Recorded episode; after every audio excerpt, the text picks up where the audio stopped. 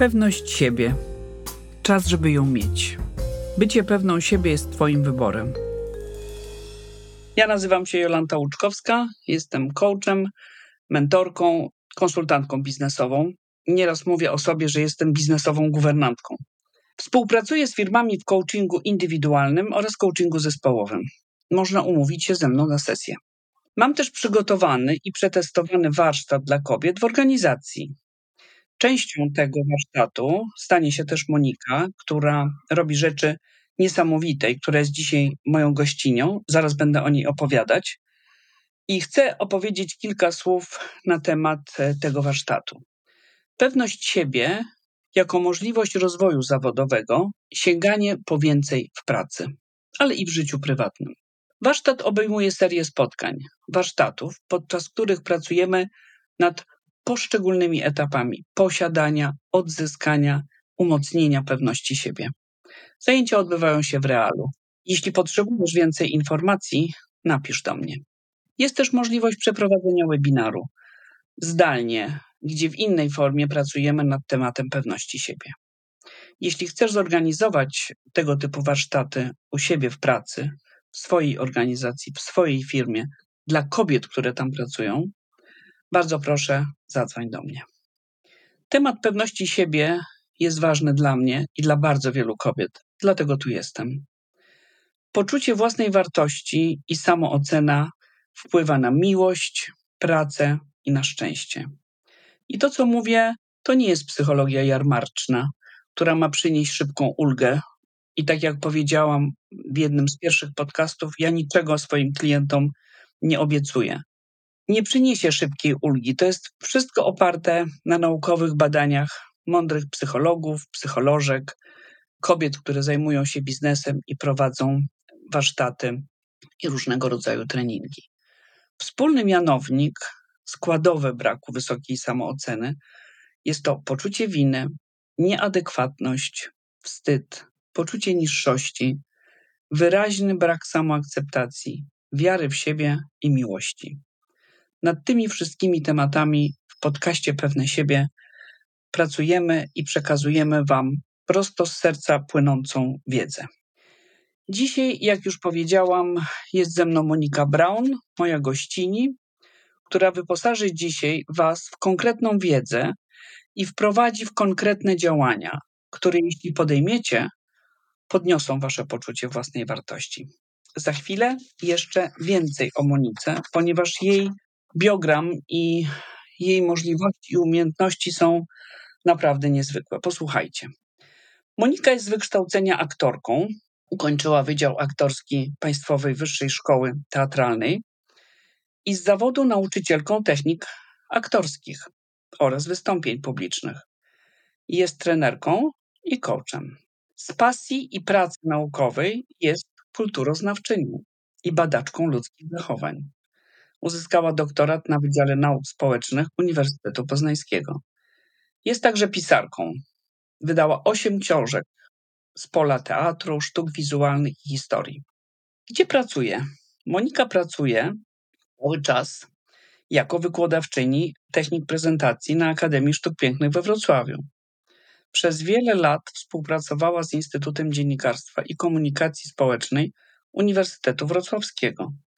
Uniwersytetu SWPS i z Dolnośląską Szkołą Wyższą, ucząc tam technik wystąpień publicznych. To bardzo jest potrzebne w poczuciu własnej wartości, taka umiejętność wystąpień publicznych. Szkoliła w bardzo wielu firmach. Nie jestem nawet e, w stanie wszystkich ich wymienić i też nie o to chodzi w tym momencie, ale szkoliła z e, prezentacji multimedialnych, autoprezentacji, retoryki. Ja muszę się podciągnąć techniki wystąpień publicznych, etykiety w biznesie. Uczyła dziennikarzy, prawników, bankierów. Chciałam użyć innego słowa, firmy motoryzacyjne. I napisała wiele książek, z których na potrzeby akurat dzisiejszej naszej audycji, spotkania, wymienię dwie: Gry codzienne i pozacodzienne. O komunikacyjnych aspektach aktorstwa. To każdemu z nas może się przydać. I myślę sobie, że jak ktoś wejdzie do internetu i wpisze Monika Brown, to znajdzie tam mnóstwo ciekawych informacji o mojej gościni. Chciałabym oddać teraz głos Monice, która dopowie więcej o sobie. No i zaczniemy naszą dzisiaj pasjonującą rozmowę. Witaj, Moniko. Witaj, Jolu. Witajcie ci wszyscy, którzy nas w tej chwili słuchacie. Te wszystkie, bo program jest skierowany głównie dla kobiet, do kobiet, które chcą mieć większą pewność siebie. Jakiś czas temu rozmawiałyśmy z Jolą właśnie o tej pewności siebie, no i wtedy ja powiedziałam, że dla mnie jako aktorki i nauczycielki, jako kogoś, kto uczy innych, jak mają sobie ze sobą poradzić w sytuacjach publicznych, bardzo silnie przekłada się to na ciało. I kiedy ty, Jolu, wymieniłaś przed chwilą kilka elementów braku poczucia pewności siebie, poczucie winy, wstyd, poczucie braku wiary w siebie, brak samoakceptacji, i y, ta lista była jeszcze dłuższa, to ja oczywiście ciągle myślę o tym, jak bardzo fundamentalnie od początku i cały czas przekłada się to na ludzkie ciało. Czemu o tym myślę? I tu mam właśnie do ciebie pierwsze pytanie, chyba bardzo ważne. Czy pewność siebie widać? Tak, pewność siebie jest całkowicie fizycznym, wizualnym zjawiskiem. I nawet e, zanim jeszcze opiszę, jak to wygląda, to dodałabym i pewno będę do tego wracać, strasznie istotny element, że da się, da się wpływać także na świat wewnętrzny za pomocą formowania świata zewnętrznego, za pomocą formowania stania, ruchu rąk, tego jak trzymamy szyję, jak, jak oddychamy. Każdy najmniejszy element naszej fizyczności, naszej cielesności, z jednej strony komunikuje innym, co czujemy, a z drugiej strony rzutuje na to, co naprawdę czujemy. I są techniki aktorskie, w których bardzo dużą wagę przykłada się do faktu, że to, co po prostu zrobisz, wydziałasz, to jak staniesz czy machniesz ręką, generuje pewne stany wewnętrzne, co się zresztą potwierdza w badaniach naukowych. To się nazywa sprzężenie zwrotne między układem nerwowym a e, tym, co robi ciało, między ciałem a psychiką. I można jakby w te i we w te. Kiedy y, słuchałam Twoich podcastów y, dotychczasowych, to często ja, z perspektywy mojego zawodu, zadawałam sobie pytanie, no tak, no trzeba w siebie uwierzyć, trzeba inaczej podchodzić do pewnych rzeczy. Tyle tylko, że ja podczas swoich szkoleń bardzo często słyszę pytania, no dobrze, ale jak to zrobić? No na przykład porządnie stanąć. Za chwilę powiem, jak to wygląda. Powiedzieć, Jolu? Tak, bo ja chcę właśnie Cię zapytać, jak wygląda ten wizualny obraz pewności siebie, żebyś nam właśnie dała to mięsko, które tam wszyscy teraz zacierają rączki, żeby usłyszeć od specjalistki. To mięsko jest prościutkie i też znowu na wstępie należałoby dodać, że wbrew być może jakimś y, niejasnym przekonaniom na temat tego, czego się uczy aktora, że są to jakieś ulotne kwestie, jakaś, y, nie wiem, duchowa sfera, tak, nad tym się pracuje, ale zaczyna się od porządnego stania. Czym jest porządne stanie? Po pierwsze, musisz czuć, że masz podparcie, że twoje dwie stopy pewnie oparły się na podłodze, czymkolwiek ta podłoga jest. Kamieniem, deską, ziemią, wykładziną podłogową. Kiedy się przystępuje do jakiegokolwiek publicznego wystąpienia, a ja pod tym terminem rozumiem wszystkie sytuacje i prezentacji, i oficjalnych przemówień, ale także stania na korytarzu i rozmawiania z koleżanką, szefem, e, zwierzchnikiem czy podwładnym w takich różnych drobnych sytuacjach interakcyjnych.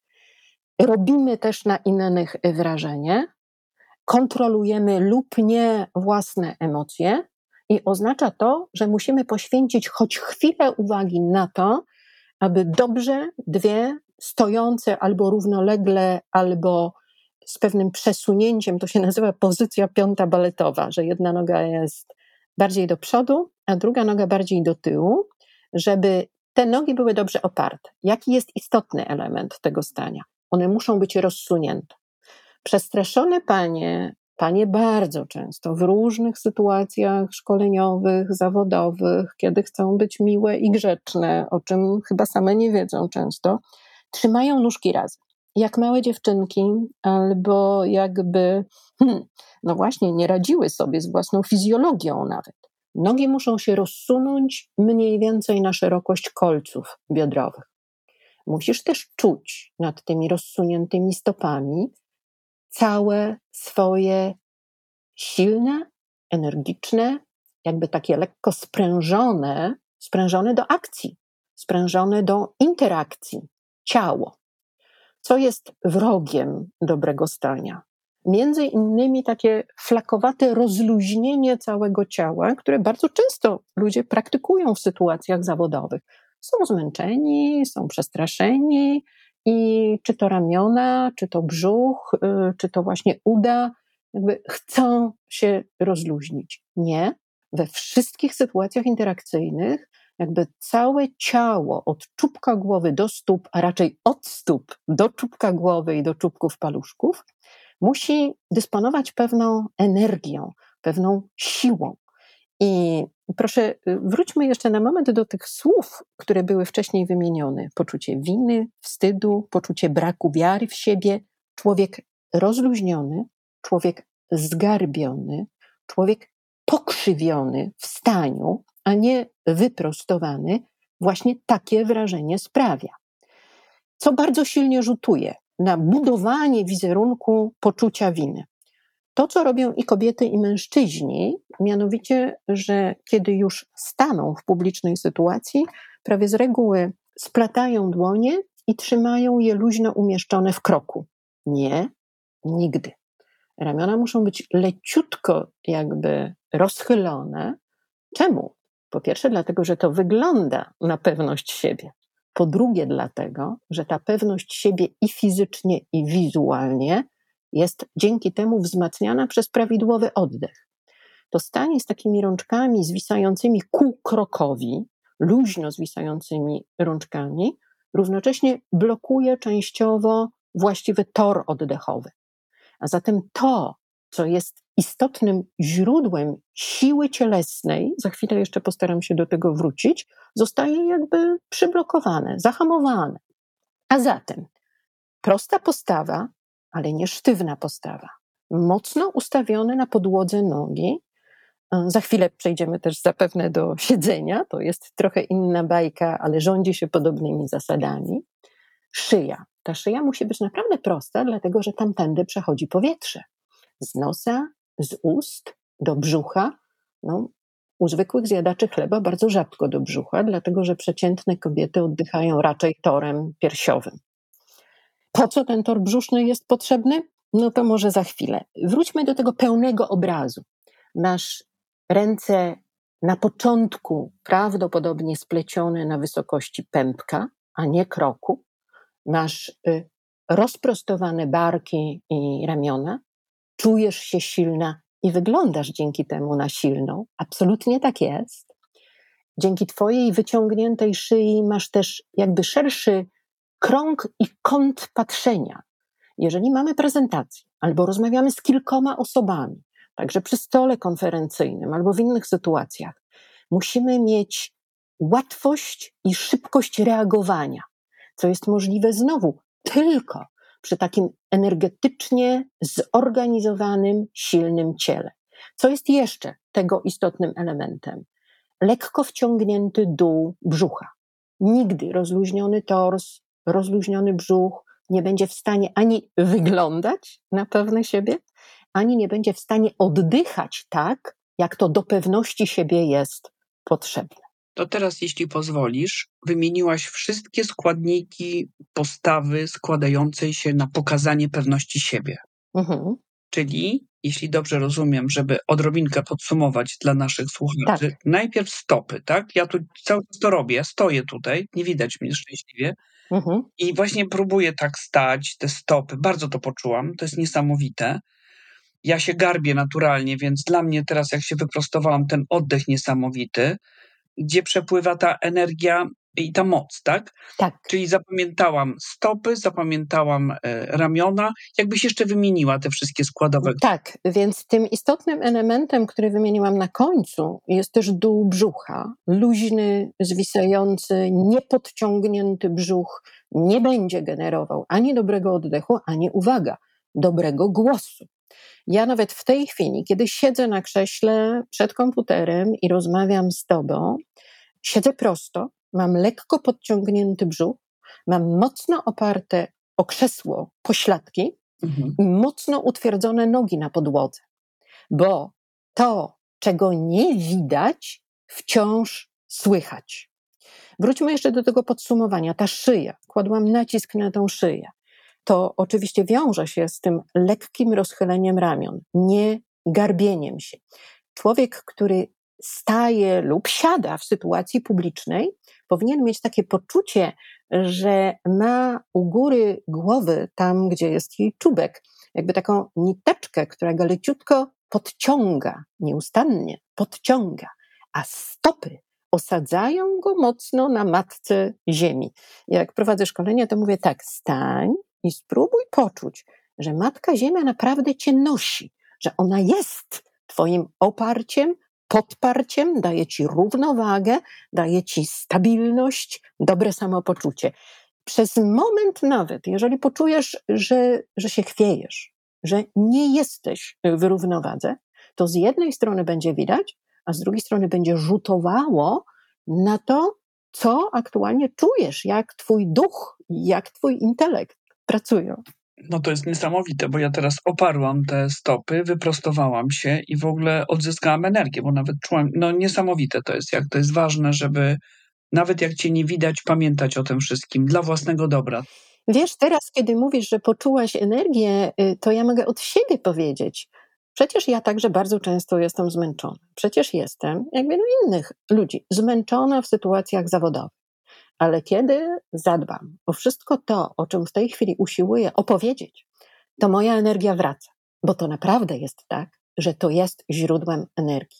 Jest jeszcze jeden bardzo istotny, czysto fizyczny element zarówno stania, jak i siedzenia. Powiedziałam o tym lekko podciągniętym dole brzucha. Lekko, bo to nie chodzi o takie z wybiegów wzięte wciąganie brzucha aż do żeber. Więc lekko podciągnięty brzuch, ale też takie poczucie, że masz podciągnięty lekko kręgosłup lędźwiowy, że w kręgosłupie się prostujesz. Każdy w tej chwili, kto nas słucha, może to zrobić nawet na krześle czy w pokoju. Nie, że te biodra jakby się tak ciężko rozszerzają, że są takie klapnięte, tylko że cała talia, pas i właśnie kręgosłup lędźwiowy, możemy go sobie wymacać palcem, ręką, prawda, jeśli nie jesteśmy pewni, że on idzie jakby lekko do przodu. Paradoksalnie on trochę podpycha brzuch do przodu, ale równocześnie powłoki brzuszne próbują się minimalnie cofnąć. Jaki jest bardzo bezpośredni skutek takiego stania czy siedzenia? Jesteśmy troszkę wyższe. Nie wiem, czy wszystkie słuchające nas kobiety wiedzą, że z badań wynika, że wyższe osoby są postrzegane jako inteligentniejsze, jako mądrzejsze. Szczególnie w siedzeniu dostarcza to mniej więcej 10 centymetrów plus. Proszę sobie sprawdzić, ja sprawdzałam. Czyli ogromna różnica. Ogromna. Człowiek wyciągnięty, człowiek, który właśnie jakby u góry dąży ku niebu, a u dołu jest mocno osadzony w podłożu, staje się człowiekiem wyższym. Niezwykłe zupełnie informacje. Po prostu fantastyczne jest to, co tutaj mówisz, bo myślę, że to no, dla każdego jest bardzo, bardzo potrzebne. Bardzo mnie jeszcze interesuje, bo na razie opowiedziałaś nam bardzo ważną rzecz, kiedy jesteśmy jakby sami na tej scenie, tak, jak się prezentujemy. Mhm. A jak prowadzić rozmowę, jak stanąć, kiedy prowadzimy rozmowę z jedną osobą, a jak jeżeli jest grupa osób?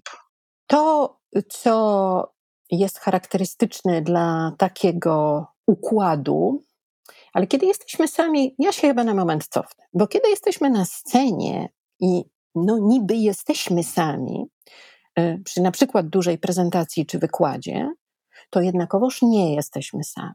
Bo nawet jeżeli ta publiczność jest gdzieś daleko, dosyć daleko, lub bardzo daleko w sposób zapośredniczony, bo na przykład jesteśmy przed kamerą, to tak czy inaczej musimy mieć stale na uwadze oczami, koncentracją, sposobem, w jaki posyłamy głos i dokąd posyłamy głos, że wszystko to, łącznie z tą energią, o której mowa, płynie do odbiorcy. I to jest bardzo konkretny odbiorca. Takie poczucie, że jesteśmy naprawdę sami, odcina nas komunikacyjnie. I nigdy go nie powinniśmy w sytuacjach, o których mowa, bardzo szerokim ich spektrum, nie powinniśmy wytwarzać. A teraz rozmowa, w której ludzie są bliżej, albo w staniu, albo w siedzeniu. Patrzenie, oczy. Ani na moment nie możemy zaniechać uwagi wobec drugiej osoby. Co to oznacza fizycznie? Nie oznacza wcale tylko patrzenia. Nawet moglibyśmy powiedzieć, że człowiek, na którego inny człowiek się gapi nieustająco, czuje się dość niekomfortowo. To wcale nie jest takie strasznie wygodne, szczególnie w rozmowie one-to-one. -one. Natomiast nawet jeżeli nie patrzymy, to ten drugi człowiek z całej naszej postawy, tego właśnie jak stoimy, jak siedzimy, jak się pochylamy nad stołem, jak kierujemy ku niemu tors, rękę, nadgarstek lub jakieś rekwizyty, powinien czuć, że jest w polu naszej oddanej uwagi. Co to oznacza? Ludzie przeważnie w praktyce za mało się ruszają w wystąpieniach publicznych i w dyskusjach. Zmiana miejsca, zmiana na przykład, kiedy siedzimy przy stole konferencyjnym, ale także, nie wiem, przy stoliku kawowym, jakieś fotele. Kierowanie się ku temu, kto mówi. No bo oczywiście mamy też dwa aspekty tego. Pierwszy aspekt to jest my mówimy do kogoś i wtedy nieustająco kierujemy się ku temu komuś. Jeżeli jest tych osób więcej, do pięciu osób, do dziesięciu, do dwudziestu. Ja czasem jestem pytana, no dobra, jak jest duża publiczność na sali, liczna publiczność, no to do ilu osób można się odnieść? Nawet do pięćdziesięciu. Ćwiczony mówca, oczywiście możemy się odnieść i do dziesięciu tysięcy. Chodzi o to, że nie możemy patrzeć w jeden punkt. Chodzi o to, że nie możemy patrzeć na jedną osobę. Chodzi o to, że my, jako mówiący, ale także w każdym niuansie naszego ruchu, musimy mieć poczucie, że tyle, ile jest osób, tylu mamy ważnych dla siebie odbiorców. Czyli zwracanie tego ciała w kierunku osoby, do której się mówi. Tak. Nie to, że bokiem stoimy, czy jakoś. Po prostu musimy tak. przodem stanąć do tej osoby. Stąd przed chwilą moje opowiastki o szyi. Dopiero długa szyja, co wynika z układu ciała, pozwala łatwiej manewrować głową i ramionami.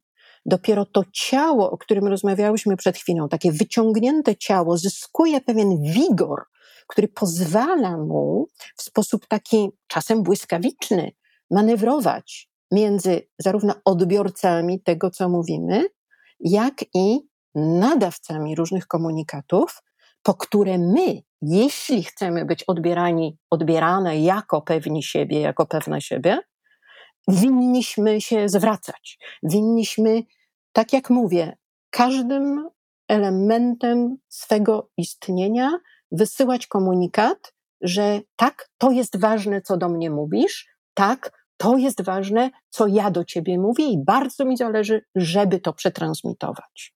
Czyli każdy element naszego ciała, który składa się na, na całość naszego pokazywania się temu drugiemu człowiekowi, czy tym licznym osobom na widowni, czy gdziekolwiek, ma znaczenie. Powiedziałaś o nadgarstku. Tak. To niesamowite zupełnie. To jest e, pierwszy raz to słyszę i bardzo się z tego cieszę. A co się dzieje w takich okolicznościach, kiedy siedzimy przy stole i nie widać naszych nóg? Nie wiem, ludzie nieraz trzymają ręce gdzieś tam pod stołem, tak? I gdzieś taki korpus tylko siedzi. No to po pierwsze, nie wolno nigdy trzymać rąk pod stołem. To jest jedna z klasycznych rzeczy, które przerabiam na niemal wszystkich szkoleniach. Jeśli prowadzimy rozmowę przy stole, jeśli mówimy z nad stołu, jeśli prowadzimy prezentację przy stole. W dzisiejszych czasach jest to bardzo możliwe w oparciu o komputer, o jakieś slajdy. Dzisiaj o slajdach i komputerze nie będzie specjalnie, tak? To jakby wymagałoby zapewne następnej rozmowy, ale. Na pewno odbędzie, na pewno ją zrobimy. Dzięki. Ręce ma być widać zawsze. I jakkolwiek siedzisz, jakkolwiek ktoś ci skonfigurował salę, ludzie na ogół mają słabe pojęcie o tym, jak należy dla celów komunikacyjnych ustawiać sale konferencyjne, gabinety i inne przestrzenie. Czasem zresztą to nie jest kwestia braku pojęcia, czasem jest kwestia tego, że rozmawiamy w przypadkowych przestrzeniach i jest na to niewielki wpływ. Zawsze mamy wpływ na to, czy wyciągamy głowę, czy sięgamy okiem do tej drugiej, trzeciej i piątej osoby, czy czuwamy nad tym, aby być widocznymi, aby być widoczne. Ja czuwam. Zawsze jakby mam z tyłu głowy i w doświadczeniu cielesnym taki instynkt, który każe mi manewrować swoim ciałem tak, abym była jako mówiąca istota dostępna wszystkim moim rozmówcom, wszystkim moim studentom, wszystkim moim słuchaczom czy uczniom. I teraz jeszcze raz spuentujmy o tych rękach. Nie, nie trzymamy rąk pod stołem. Broń, Panie Boże. Po pierwsze, taki obcięty w pół tors wygląda niepewnie. Generuje pytania nieuświadomione bardzo często po drugiej stronie. Hm, no to co się tam dzieje pod tym stołem, tak? Mogą się dziać naprawdę różne rzeczy. No. Lepiej nie budzić takich podejrzeń, prawda? A powiedz, Moniko, czy jest jakaś różnica pomiędzy jak siedzimy, kiedy mówimy do kogoś, to już wiemy, że mamy zwracać się ciałem tak w, w, kierunku tej osoby, ale różnica pomiędzy tym, jak siedzisz, kiedy mówisz i jak masz siedzieć, kiedy słuchasz. Czy jest tutaj jakaś wyraźna różnica, żebyśmy. Spróbuję to powiedzieć jednym prostym zdaniem, a potem możemy się rozwijać. Słuchanie kiedy my nie mówimy tylko do nas płynie, ma, nawet kiedy jesteśmy oparci w fotelu, nawet jeżeli jesteśmy rozparci w krześle, tego bym nie proponowała, ma komunikować, że cały czas jesteśmy w absolutnej uwadze wobec tego, kto się wypowiada. I kiedy my mówimy, mamy aktywniej, bardziej, energiczniej kierować się cieleśnie ku tej drugiej osobie. Czemu za pierwszym razem nie aż tak aktywnie? Dlatego, żeby również w sposób niewerbalny dać tej drugiej osobie niejako miejsce dla niej. Aby sprawić, że ona poczuje, że tak, to jest jej czas. Tutaj chyba potrzebna jest znowu bardzo istotna dygresja. Wszystkie te zabiegi, o których mówię i o których może jeszcze za chwilę powiem, one mają na celu także sprawienie, aby ten, kto na nas patrzy, kto nas słucha, komu próbujemy coś przekazać i od kogo próbujemy się czegoś dowiedzieć, poczuł się z nami dobrze. I teraz, kiedy komunikaty cielesne są jasne, kiedy komunikaty cielesne są pewne, kiedy dajemy komuś przestrzeń, także w zakresach o których świetnie wiesz, o których mówisz, że na przykład mu się nie wtrącamy, prawda? Mhm. Że jesteśmy otwartym uchem na to, co on mówi. Wszystko to powoduje, że po prostu ludzie nas bardziej lubią. Ludzie chcą do takich ludzi mówić, ludzie chcą przez takich ludzi być słuchani. Tak, to niezwykle ważna sprawa, żeby stworzyć taki komfort e, tym osobom, które są z nami. Obojętnie czy mówimy, czy słuchamy, żeby od nas to płynęło tak po prostu płynęło. Tak. A ponieważ w ogóle w naszej kulturze jest dużo takiego lekceważenia dla komfortu innych, dla komfortu duchowego, dla komfortu cielesnego, to takie, znowu zrobię małą dygresję. Ja, jak jadę na szkolenie, to to, co robię najpierw, to sprawdzam, czy pomieszczenie jest przewietrzone, czy krzesła stoją tak, że ludziom, którzy do mnie przyjdą, jest wygodnie, czy też będzie wygodnie czy mają przygotowane wszystko tak, żeby w tej sali, w której będziemy razem przez ileś godzin, dobrze się poczuli. I od tego trzeba zacząć. Tak, proste rzeczy, a niezwykle ważne. Teraz jeszcze jedna rzecz zwróciła moją uwagę, bo ostatnio zostałam zaproszona do obserwacji panelu. Panel, gdzie, zaraz powiem, tak ja to często widzę, siedzą osoby na krzesłach na jakimś podwyższeniu, tak i dyskutują na jakiś temat, i są widzowie, którzy siedzą w sali, a często też widzowie, nie wiem, na YouTubie, czyli tych widzów jest bez liku. I wtedy różne dziwne rzeczy dzieją się z nogami, z rękami. Tak. Mężczyźni siedzą, kobiety siedzą.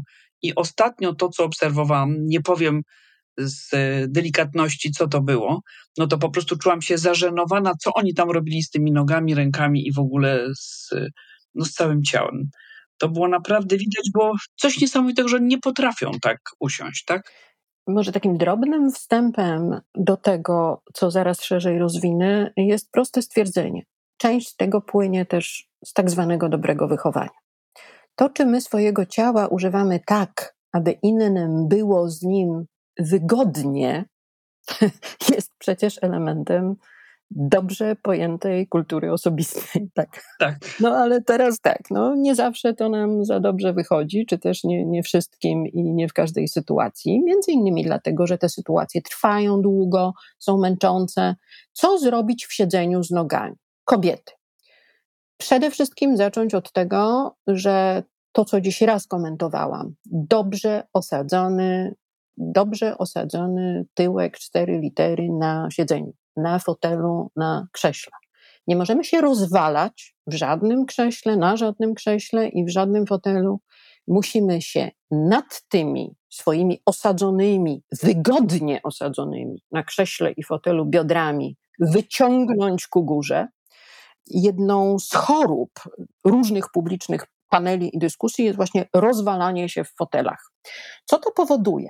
Że u mężczyzn w szczególności nogi rozjeżdżają się szeroko, a kulturowo jest też uwarunkowane, że mężczyźni nie tylko te nogi w biodrach rozwalają szeroko, siedząc w krześle, ale jeszcze lekko wypychają biodra i to, co z przodu nad tymi biodrami mają, także ku przodowi. No i w rezultacie jest to aroganckie, lekko wulgarne i jest to pewno nieuświadomiona przez nich, ale demonstracja siły. Demonstracja także pewnej arogancji. Tak? tak. Jak mężczyzna trzyma nogi w fotelu? Oczywiście one nie są jedna koło drugiej. Kobiety także trzymają nóżkę przy nóżce, tylko w wypadku, kiedy mają sukienkę, i o tym wiele kobiet zapomina. Kobiety także nosząc spodnie muszą mieć i w siedzeniu nogi i stopy lekko rozsunięte. I szczególnie w siedzeniu istotne jest to, żeby stopy nie były równolegle, a żeby były w owej piątej baletowej, czyli jedna bardziej do przodu, a druga cofnięta jakby niejako pod fotel, niejako pod krzesło. Nie w tym równoległym ułożeniu. Czemu? Bo to wygląda nieporadnie. Proszę sprawdzić. I teraz wracam jeszcze raz do mężczyzn. Jeżeli mężczyzna wyprostuje się w fotelu, jeżeli odrobinę podciągnie ów kręgosłup lędźwiowy, szczególnie na krześle i w fotelu, kręgosłup lędźwiowy jest kluczem do, sensownej postawy, do postawy niearoganckiej, do postawy słuchającej, do postawy energicznej. A zatem wyraźnie podciągnięty kręgosłup lędźwiowy jeżeli to robisz w tej chwili w krześle Jolu, to czujesz, jak się cała prostujesz ku górze. Cały czas to robię, tak. Ja jestem już po prostu cały czas pracuję tak, jak mówisz. I teraz zobacz, co się dzieje z biodrami i udami. Tak. Jeżeli się podciągnie kręgosłup lędźwiowy, to uda paradoksalnie jakby nieco się zbliżają do siebie. Nie są takie rozwalone. Mhm. Nie mają tendencji do takiego niechlujnego rozjeżdżania się na boki. A zatem Sadzamy cztery litery, prostujemy kręgosłup lędźwiowy, leciutko prostujemy kręgosłup i rozchylamy ramiona, ale nie przeprostowujemy się. Wystąpienia publiczne nienawidzą sztywności. Sztywność wygląda sztucznie, sztywność odpycha, naturalność, swoboda są w pewnej cenie, ale nie swoboda, która jest nadmiernym luzem, która jest brakiem energii, która pokazuje, że nie jesteśmy w pełni skoncentrowani na tym, co się dzieje. No i teraz, jeśli podciągnęliśmy ten kręgosłup lędźwiowy, jeśli nam się lekko zeszły ku sobie uda, tak, to mamy większą łatwość, żeby w wypadku mężczyzn nieco szerzej, w wypadku kobiet nieco węziej, ustawić te nogi obok przed fotelem, prawda, czy krzesłem. Powtarzam, jeśli sukienka, no to razem nóżki. Tak. Ja się bardzo cieszę, że powiedziałaś o tej arogancji e, mężczyzn, którzy tak jak to ty powiedziałaś, y, wywalają się, czy co oni tam robią w tym? Rozwalają. Rozwalają. Rozwalają się. I mają, jest bardzo charakterystyczny element tego rozwalania się. To każdy znowu może sobie to obejrzeć, y, zarówno w życiu codziennym, jak i w mediach, że wtedy kolana są szerzej, a stopy węziej.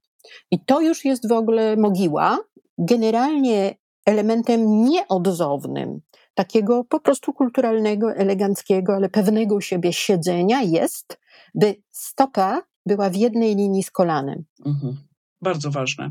To bardzo wpływa niedobrze też na rozmówców, tych panelistów, tak, tego typu rozwalanie się, ponieważ to odbiera poczucie pewności siebie i może odebrać taką samoocenę kobietom, które czują się wręcz atakowane tego rodzaju siedzeniem. Szczęśliwie nie wszyscy mężczyźni to robią, więc uważam, że mm, to jest bardzo, mam nadzieję, że jacyś panowie też nas słuchają, a wiem, że coraz częściej słuchają.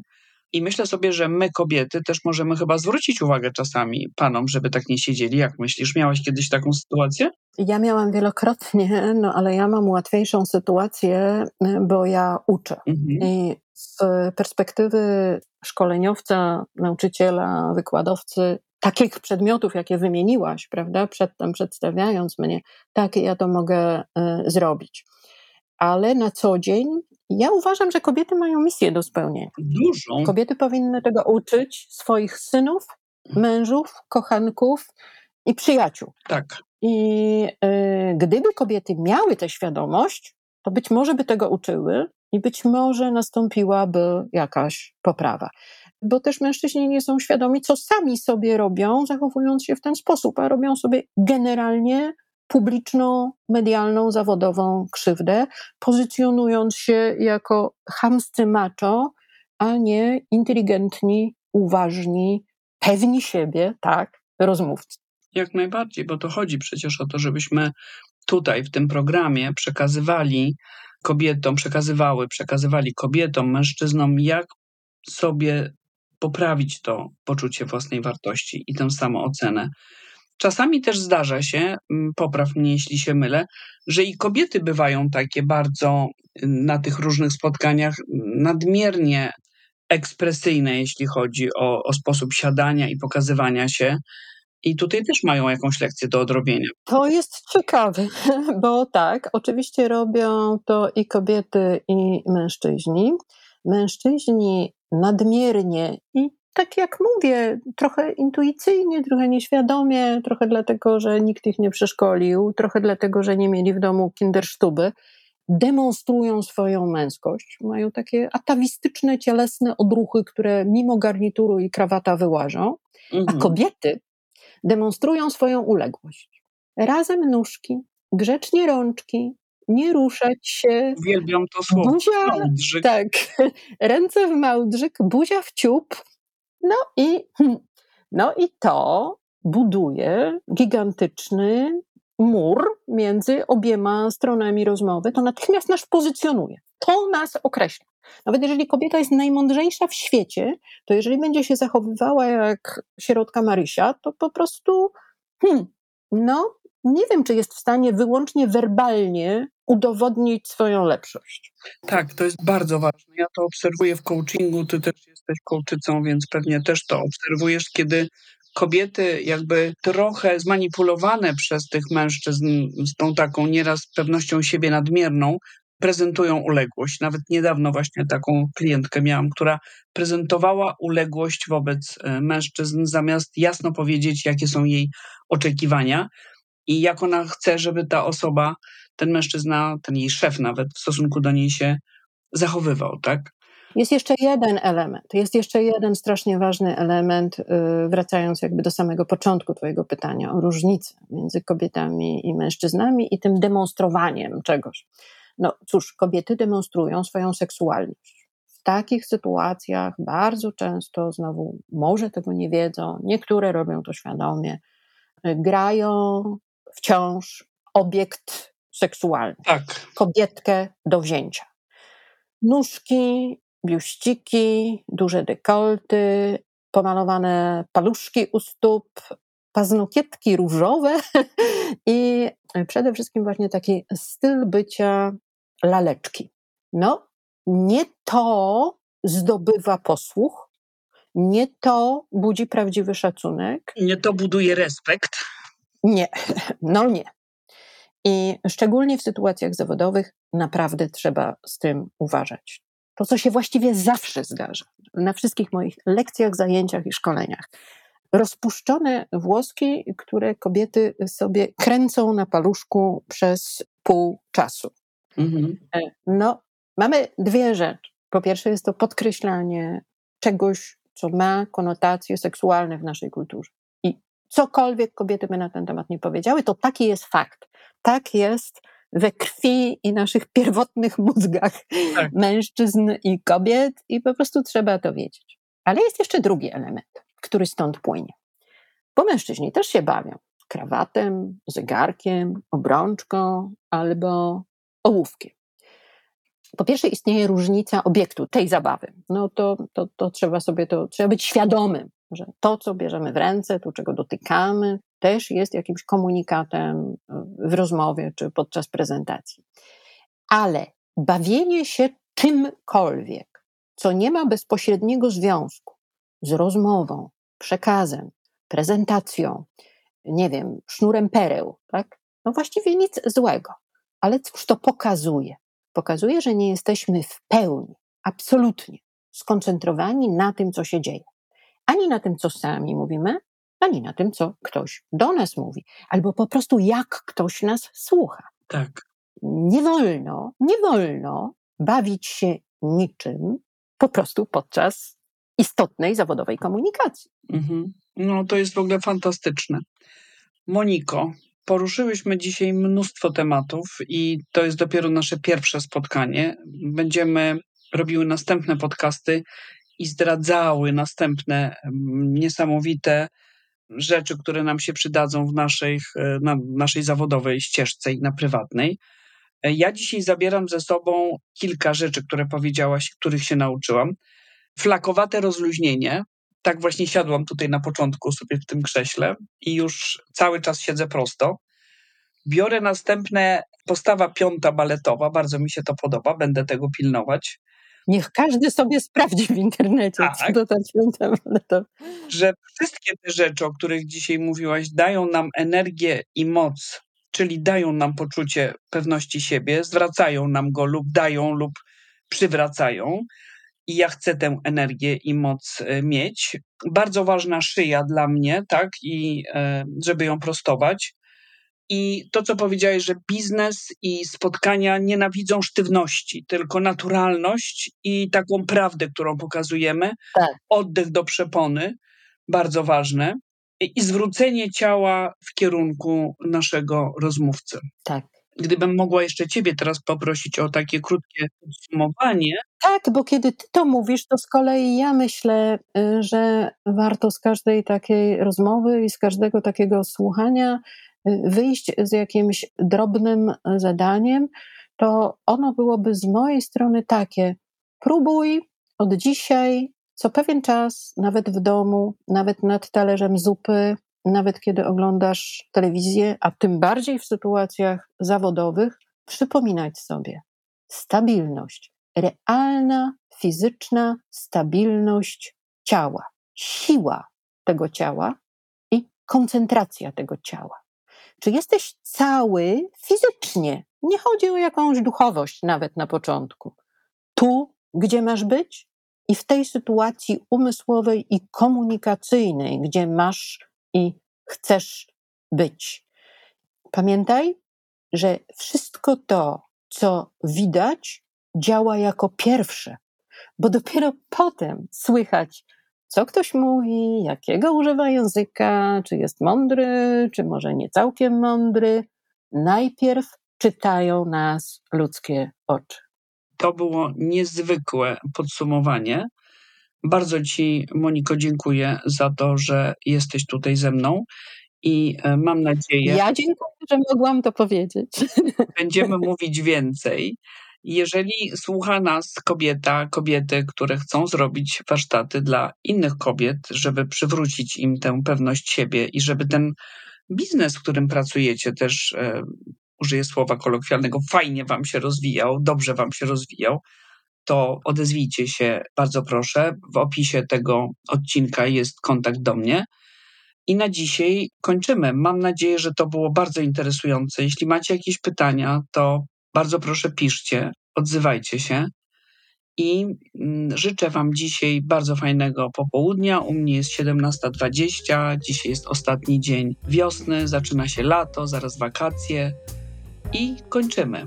Pewność siebie, czas, żeby ją mieć. Pewność siebie jest Twoim wyborem. Do usłyszenia.